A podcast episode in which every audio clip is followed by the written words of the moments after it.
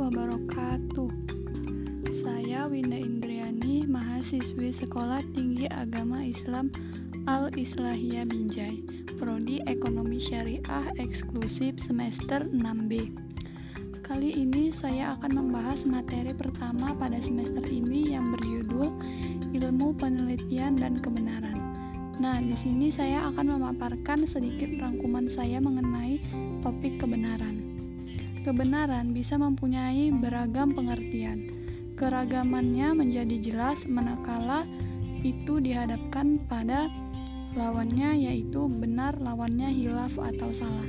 Berdasarkan pengertian tersebut, bila kebenaran diartikan dalam ungkapan pengetahuan yang benar, berarti soal hubungan antara pengetahuan dan apa yang jadi objeknya.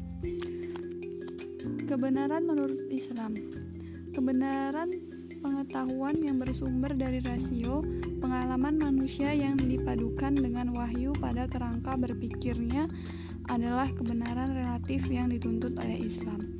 Walaupun pada tingkat kebenaran relatif, nilai kebenaran itu sendiri adalah yang maksimal pada diri manusia menurut Islam.